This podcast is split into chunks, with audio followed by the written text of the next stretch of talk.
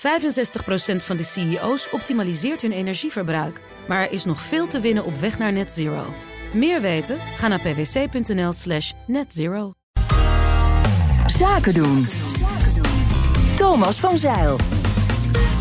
Van automatisering tot ZZP-wetgeving, van loonkloof tot hete herfst, van energiecrisis tot wooncrisis. Hoe staat de Nederlandse economie er eigenlijk voor? En welke impact hebben internationale ontwikkelingen? In deze serie bespreek ik met economen en andere deskundigen de economische stand van Nederland. Tijdens de verkiezingen was arbeidsmigratie een veelbesproken thema... en ook in de formatie is het een belangrijk onderwerp. Maar welke rol spelen arbeidsmigranten in de Nederlandse economie? Is het echt een optie om het werk voortaan zonder buitenlandse werknemers te doen? Of moet er gewoon beter beleid komen? Vandaag de gast, Tesseltje de Lange, hoogleraar Europees Migratierecht... verbonden aan de Radboud Universiteit. Goedemiddag. Goedemiddag. Arbeidsmigratie, arbeidsmigranten, daar vallen heel veel mensen... heel veel groepen onder. Misschien moeten we een onderscheid maken tussen hoog opgeleid, laag opgeleid, Europees, niet-Europees. Welke categorieën breng jij graag aan? Uh, nou, het is goed dat je daar inderdaad meteen mee, uh, mee begint. Want dat is denk ik een van de eerste misvattingen in veel van de discussies over arbeidsmigratie. Het wordt als een soort ja, containerbegrip gebruikt, terwijl er heel veel verschillende varianten uh, van zijn. Dus je geeft al aan Europese burgers die gebruik maken van het vrij verkeer van werknemers. En dan zien we in de Nederlandse context dat die vooral werken in um, nou, lager betaald werk. Um, en je hebt mensen van buiten Europa. Nou, en die kunnen om allerlei redenen hier zijn. Hè. Dan kan je uh, uh, inderdaad de kennismigrant, de kenniswerker, de mensen die bij, bij ASML werken. Um, maar ook daar um, zie je weer nog variatiemogelijkheden. Je hebt ook uh, mensen die voor de zorg komen. Je hebt natuurlijk ook mensen die in een hele andere context komen, um, als vluchteling of als gezinsmigrant. En die uh, mogen op een gegeven moment ook werken. Uh, dus dat zijn allemaal factoren of groepen die meespelen als je kijkt naar ja, uh, werk en migratie. En werk en migratie, arbeidsmigratie is, daar kun je waarschijnlijk eeuwen in teruggaan, van alle tijden. Wanneer werd het een probleem? Nou, eigenlijk. Um, Um, werd het wat mij betreft nooit een probleem. Um, uh, en wat je al aangeeft, het is iets van alle tijden. Wat, um, uh, wat je ook aangeeft, de, de, wel een thema rond de verkiezingen, ja, en nu ook een thema. Maar wat is nou eigenlijk echt het, het thema als je kijkt naar definiëren van problemen? Dan is dat en nou, je vorige gast gaf het ook al aan. Hè? Het, het, het, kost soms zes tot acht jaar om, uh, uh, om uh, het net uit te mogen breiden, om een bouwvergunning daarvoor te krijgen. Dat geldt ook voor huisvesting in algemene zin. Eigenlijk is veel van de problematiek die nu geweten wordt aan het containerbegrip arbeidsmigratie een huisvestingsprobleem. dus dat is één. Verder hebben we te maken met arbeidsmarktkrapte op dit moment. Dus werkgevers moeten er langer over doen om iemand te vinden om uh, een vacature uh, te vullen. Dat is iets. Um, uh, wat een, een, een, uh, nou ja, een, een, topic is waar we denk ik, als je kijkt naar, naar de economie, uh, naar moeten kijken. En daarmee samenhangend is, wat doen we? Wat bieden we mensen die al aan het werk zijn hier, of die hier in ieder geval al zijn, of het nou vluchtelingen zijn, of, of andere mensen die, die gewoon in de Nederlanders die hier zijn, maar die wat anders willen doen, of kunnen doen, of meer kunnen doen. Dus omscholing, herscholing, taalonderwijs. Uh, nou, dat zijn ook uh, zogenaamde knoppen om aan te draaien. Die denk ik belangrijker zijn dan het containerbegrip arbeidsmigratie, wat, wat dan um, ja, eigenlijk niet zoveel zegt. Het was een campagneonderwerp, een verkiezingsonderwerp, een formatieonderwerp, zo je wil. Het was ook al jaren geleden een onderwerp toen in opdracht van het kabinet de commissie Roemer aan het werk werd gezet om eens te kijken naar arbeidsmigratie, de huisvesting van arbeidsmigranten, met als belangrijkste aanbeveling volgens mij zorg dat niet alles zomaar gebeurt onder de vlag van het uitzendbedrijf. Dus en de huisvesting en de baanzorg, dat die arbeidsmigrant daar onafhankelijker van kan opereren. Wat is daarvan terechtgekomen? Ja, nou, dan Um, als je, zeg, Roemer heeft specifiek geadviseerd over de groep EU. Uh, arbeidsmigranten, dus werknemers met een Europees paspoort die hier zijn. Vaak tijdelijk. Hè, dus je hebt de, de, de, zeg, tot vier maanden uh, en dan weer naar huis gaan en dan misschien volgend jaar weer terugkomen. En ook mensen die, die langer blijven. En um, Roemer uh, adviseert hoe dat aan te pakken. Dat is wat, wat daar in dat advies staat, dat wisten we dat wisten we al. Er was tien jaar daarvoor ook al een advies verschenen dat die punten opgepakt moesten worden. Dat was toen niet gebeurd. Dus het, heeft, uh, zeker, het was zeker nuttig dat Roemer dat opnieuw deed, want daardoor maar het was het herhalen van een bekende boodschap. Absoluut, absoluut. In die zin herhaaldelijk uit onderzoek gebleken dat huisvestingssituaties niet altijd goed zijn. Er zijn ook mooie, maar er zijn te veel slechte voorbeelden. Uitzenders die. Um, uh, er zijn goede, maar ook daar weer zijn er te veel voorbeelden waar het, waar het niet netjes gaat. Dus dat, dat werd aangekaart opnieuw in Roemer. Helemaal prima. Nou. Um, daar zijn inderdaad uh, uh, allerlei werkgroepen op, op losgelaten om samen te gaan bedenken hoe gaan we dit aanpakken. En um, op zich gebeurt er uh, best wel wat. Het is helemaal niet dat het, dat het stil is komen te vallen. Maar we zijn inmiddels wel um, nou, vier jaar, drieënhalf jaar verder. Het gaat wel heel erg langzaam. En wat ik mis, uh, toch nog is de coherentie binnen de verschillende dossiers.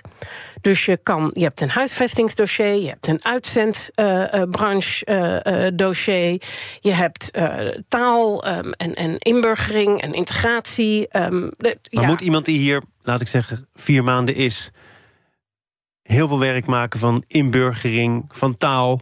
Nee, dat hoeft niet.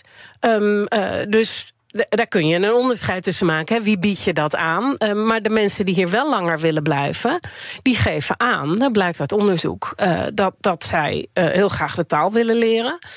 Nou, um, dat, dat lukt niet altijd. Praktisch zijn er barrières om dat te doen. los van het feit dat mensen gewoon heel hard werken, heel veel uren maken, niet vlak bij het werk wonen.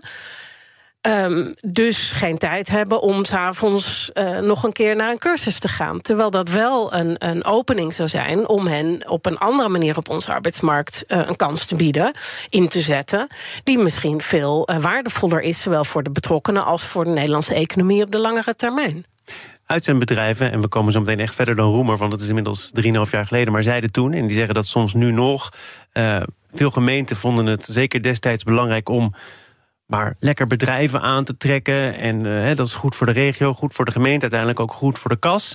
Daar komen dan ook arbeidsmigranten uh, om de hoek kijken. Want er moeten wel mensen bij die bedrijven werken. En dan hebben ze een beetje boter op hun hoofd. Want dan zeggen ze, ja, daar gaan wij verder niet over. Daar doen wij niet zoveel mee. Hebben die uitzendbedrijven daar gelijk in? Uh, ja, dat, dat, is, dat is typisch een voorbeeld van um, uh, die, die uh, zeg, het gebrek aan coherentie tussen verschillende beleidsterreinen. Dus je hebt een wethouder economische zaken die denkt: mooi, uh, uh, kassa, uh, een nieuw bedrijf in de gemeente. Maar de wethouder sociale zaken, ja, die neemt hij niet mee in, of de wethouder ruimtelijke ordening, in wat betekent dit verder voor de gemeente. Het betekent inderdaad huisvesting, het betekent eventueel scholing, behoefte aan um, medische ondersteuning, et cetera. En als je als gemeente wel het een doet en niet het ander, nou.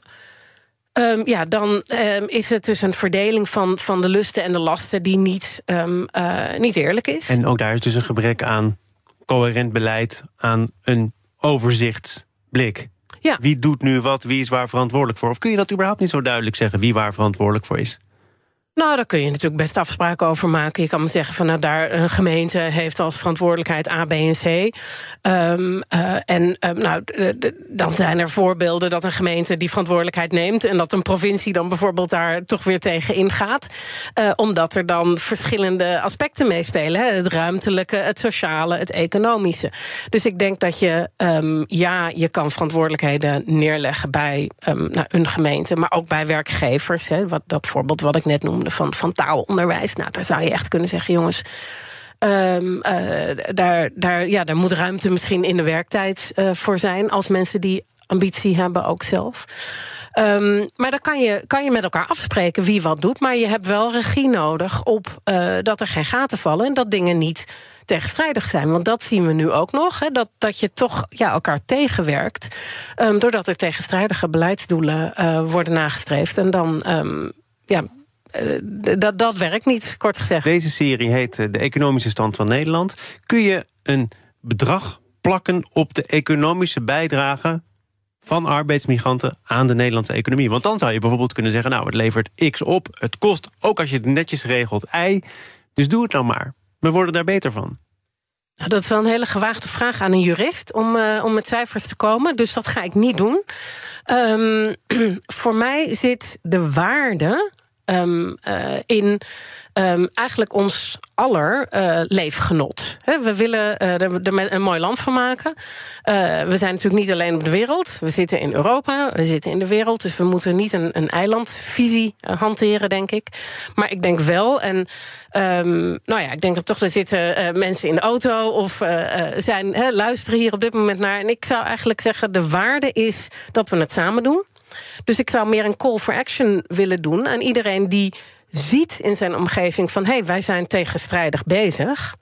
Om samen over na te denken van hoe kan je die tegenstrijdigheid eruit halen. Dat moeten we samen doen. Dat is de waarde die we vervolgens samen met arbeidsmigranten en elkaar aan de economie kunnen uh, teruggeven, aan de samenleving. Ik zie het eigenlijk breder dan alleen een economisch vraagstuk. Zou je uh, arbeidsmigranten sneller een contract moeten teruggeven? GroenLinks Partij van de Arbeid pleit nu al een tijdje voor werk niet meer met uitzendconstructies. Maar als werkgever, kom over de brug met een contract. Uiteindelijk leidt dat tot een beter perspectief voor de arbeidsmigrant in kwestie, die hier misschien ook langer wil blijven, die zich hier wil vestigen. En dat kan weer gevolgen hebben voor de overlast, die, is althans deze denklijn, zal afnemen.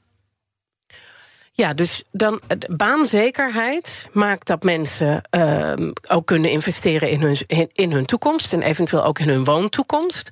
En je ziet dat arbeidsmigranten die het goed doen en die de ambitie hebben om hier te blijven, uiteindelijk misschien zelf zelf een, een huis kunnen kopen en niet meer afhankelijk zijn uh, van, van uh, ja, die toch al um, lastige woningmarkt. Uh, daar kan baanzekerheid en dus een vast contract zeker, uh, zeker bij helpen. Ja, um, er zijn ook mensen die hier een paar maanden uh, willen komen, geld verdienen en weer naar huis gaan. Ja, daar is dat minder relevant voor. Ja. Er zijn de afgelopen maanden meerdere commissies geweest met rapporten. Je hebt de Adviesraad Migratie, je hebt de Staatscommissie Demografische Ontwikkelingen 2050. Ze hebben zich beide en dan mis ik misschien nog wat de Nederlandse bank... die er ook wat over heeft gezegd, uitgelaten over hoe het nu toch verder moet. Ook op de langere termijn. Um, zou je bijvoorbeeld moeten zeggen... nou, in die sector vinden we het van belang dat we blijven inzetten op arbeidsmigratie. In andere sectoren die economisch wat minder toevoegen aan Nederland... kunnen we wel zonder. Zouden we echt een duidelijke keuze moeten maken? Dat is bijvoorbeeld de opvatting van Klaas Knot. Ja, dat is, um, uh, nou, dat is zeker een verhaal wat we nu heel veel horen. In veel van die rapporten wordt dat inderdaad ook voorgesteld. We hebben dat zelf ook wel eens um, uh, gezegd, meer om die discussie aan te zwengelen. Slachterijen, glastuinbouw, ja. distributiecentra. Ja. Ja, die worden dan altijd eigenlijk genoemd. En dan wordt Heeft u nu allemaal, hè? Ja. dan wordt er inderdaad gezegd van ja, wat, wat, hebben, wat hebben wij eraan dat, dat avocado's hier in een distributiehal worden omgepakt en Weet weer verstuurd? Weet jij het? Um, uh, nee, daar daar kan je dat inderdaad bij, uh, uh, bij afvragen. Ik denk dat daar. Um, ja, dan moet je, moet je bij elkaar gaan zitten. Want je moet ook kijken van ja, wat, je moet niet alles wegsturen. En het wordt niet per se beter als je um, uh, het bloemen of fruit, als je dat ergens anders laat doen, wordt het niet per se beter. Um, zowel voor de mensen die het moeten doen, uh, als voor de kwaliteit van het product, als voor de eventuele milieuaspecten uh, uh, daarvan. Dus dat vraagt nogal een in kaart brengen van de voor- en nadelen van wegsturen van bepaalde sectoren. Dat kan je ook niet zomaar doen. Maar dat we het daar met z'n allen over moeten hebben, dat lijkt me duidelijk. Eerder in dit programma was er iemand te gast en die legde zich toe op conserven, bonen in blik, in pakjes. Twintig jaar geleden, zei hij, zijn wij begonnen met automatiseren uit noodzaak. Want wij constateerden dat niemand, geen enkele Nederlander in ieder geval... dit werk wilde doen. Als we dat toen niet hadden gedaan, hadden we nu niet meer bestaan. Um, als we alleen maar in zijn geval arbeidsmigranten hier naartoe halen... omdat er verder helemaal niemand meer beschikbaar is... wat zegt dat dan over hoe verdienmodellen in elkaar zitten? Nou, ik vind het een heel mooi voorbeeld. Het is een mooi voorbeeld dat je dus met automatisering uh, en innovaties uh, je afhankelijkheid van arbeidsmigranten uh, kan sturen. En ik denk dat dat. Um, um, dat dat hier een must is. Hè? Dus dat je moet zeggen van ja, uh, we, hadden, we hadden het al over die, die samenwerking tussen verschillende wethouders, economische en sociale belangen. Dat is één aspect. Vervolgens wil je dat bedrijven kijken, kan het anders? Waar zit uh, de winst van, van innovatie en automatisering? En daar waar dat niet kan, um, sommige uh, beroepen in de zorg bijvoorbeeld, is dat lastiger. Daar um, moet je kijken, wat, wat kunnen we met de mensen die we hier hebben? vluchtelingen, maar ook arbeidsmigranten uit Europa die nu misschien werk doen wat niet zo um, uh, nuttig tussen aanhalingstekentjes wordt gevonden, maar die wel bereid zijn in, of in de zorg willen werken. Nou, wat kunnen we hem bieden om die stap te maken? Um, dat zijn allemaal stappen die je moet zetten. En dan kan je aan het eind zeggen van nou ja, we hebben nog steeds. 65% van de CEO's optimaliseert hun energieverbruik. Maar er is nog veel te winnen op weg naar net zero. Meer weten? Ga naar pwc.nl slash netzero.